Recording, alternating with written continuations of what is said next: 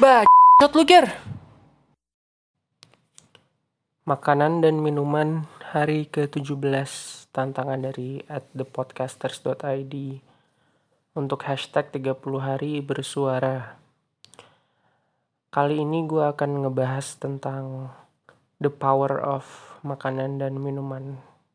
Karena gue rasa makanan dan minuman itu mempunyai kekuatan yang sangat besar ya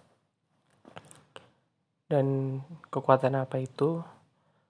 Sebelumnya gue mau menggiring kalian menceritakan kembali sebuah cerita yang gue lupa sumbernya dari mana. Cuman cerita ini tuh benar-benar ya masuk akal gitu, powerful. Jadi ada seseorang tokoh dia setiap mau bisnis gitu ya pasti sebelum membicarakan bisnis atau membicarakan sebuah kerjasama, dia ajak, beliau ajak untuk makan dulu. Mau apa pun bisnisnya, dan setelah itu bisnisnya itu menjadi lebih lancar karena udah makan gitu. Nah, itu yang mau gue bahas karena makanan dan minuman itu mempunyai power of healing gitu ya. Punya kekuatan memulihkan. Dan gue yakin nggak sedikit juga dari kalian yang kalau stres pasti jatuhnya kemakan gitu. Mau makan apa pun itulah. Makan berkuah makan yang manis bahkan makan yang mahal sekalipun. Nah selain untuk stress release kadang juga gue ya personally mau cerita bahwa kalau misalkan lagi marah banget tensinya lagi super tinggi ya karena banyak hal lah.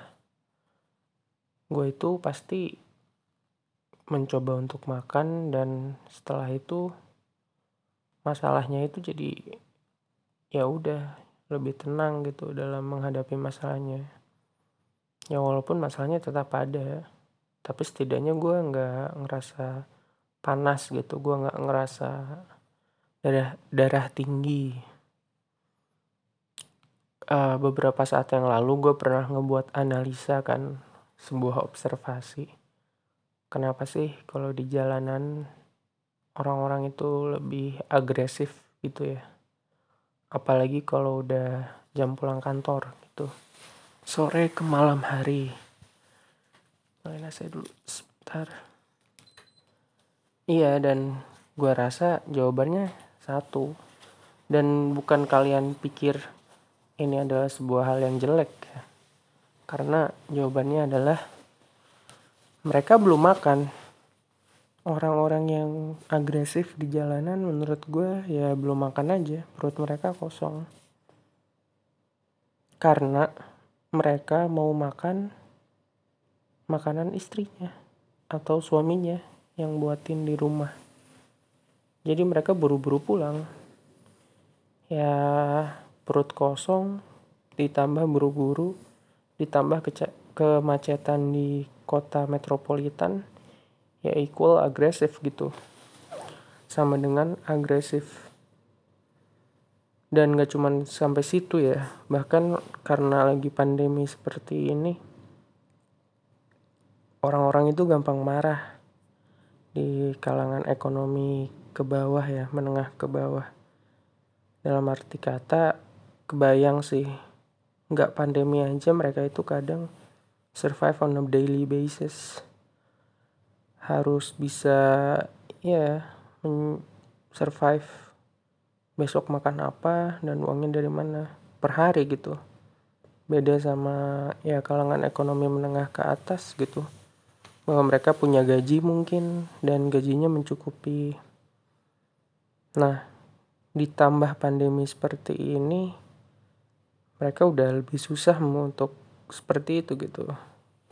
Dan di situ titik syukur yang harus kita rasakan karena jika lo bisa mendengarkan podcast ini menurut gue ya alhamdulillah lo masih bisa makan setiap harinya. Dan ya walaupun uh, secara finansial banyak yang tidak stabil kali ini tapi tetap aja jika lo masih bisa makan saat pandemi ini lo tuh sekelompok orang yang beruntung sih.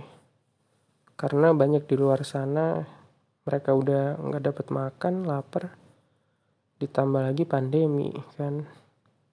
Kayak dokter Tirta waktu itu pernah bilang ya kebayang sih orang-orang lapar malah di ya malah di apa tuh namanya satgas covid itu suka uh, edukasi ya edukasi covid. Ya gimana caranya dengerin gitu loh bahwa perut mereka aja keroncongan itu makanya power of food itu benar-benar kuat ya. Dalam arti kata bisa menenangkan diri saat marah. Dan ya untuk pemulihan healing. Kadang kalau kita ya stres tadi gue bilang kan atau untuk nostalgic feeling juga bisa. Makan apa sama nyokap bokap zaman dulu terus kalau dimasakin sekarang rasanya jadi ya balik lagi ke zaman dulu kayak gitu makanya jangan pernah remehkan kekuatan makanan dan minuman hal kedua yang ingin gue bicarakan Hal kedua yang ingin gue bicarakan adalah ini singkat aja. Perubahan paradigma food and beverages di Jakarta ya. Belakangan ini banyak banget toko-toko makanan yang pre-order di Tokopedia.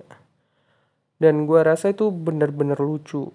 Karena gak pernah tuh gue ngerasain ah gue mau makan ini ya udah gue pre-order dulu makannya besok gitu nggak pernah gitu kalau misalkan gue lagi mau makan apa ya pada saat itu juga gue mau makan itu gitu nggak pernah kayak ada tuh satu tuh uh, chicken panggang gitu ayam panggang gitu kan ayam panggang yang satu satu ayam besar gitu yang kayak di luar negeri itu. Ter ya bukan terki sih ayam sih ini. Nah mereka itu harus pre-order hamin satu. Ya gimana bingung aja gitu karena kalau gue pengen hari itu gimana? Ya amin ya paradigma makan dan minuman sekarang kayak gitu kan. Apalagi dengan adanya ojol-ojol yang ngebuat kita mau makan apa tuh gampang tinggal pencet nah sayangnya dengan akses instan terkadang kualitas menurun. Jadi sebenarnya dine in juga ya masih ada baiknya gitu. Karena beberapa tempat makan yang beneran enak mereka kadang nggak nggak nggak ini ya nggak nyediain jasa untuk online. Tapi ya balik lagi karena pandemi kayak gini kayaknya mereka banyak berubah pikiran gitu kan. Segitu aja sih untuk topik kali ini. Dua hal penting the power of food. Enggak sih sebenarnya terakhir kurang penting. The power of food sama perubahan paradigma makan dan minuman di kota Jakarta. Terima kasih semuanya sudah mendengarkan 30, 15 hari lagi 13 hari lagi tantangan ini selesai dan gue bisa melanjutkan bikin episode podcast yang lebih baik karena sudah latihan di challenge ini dan ya itu aja dulu. Dadah semuanya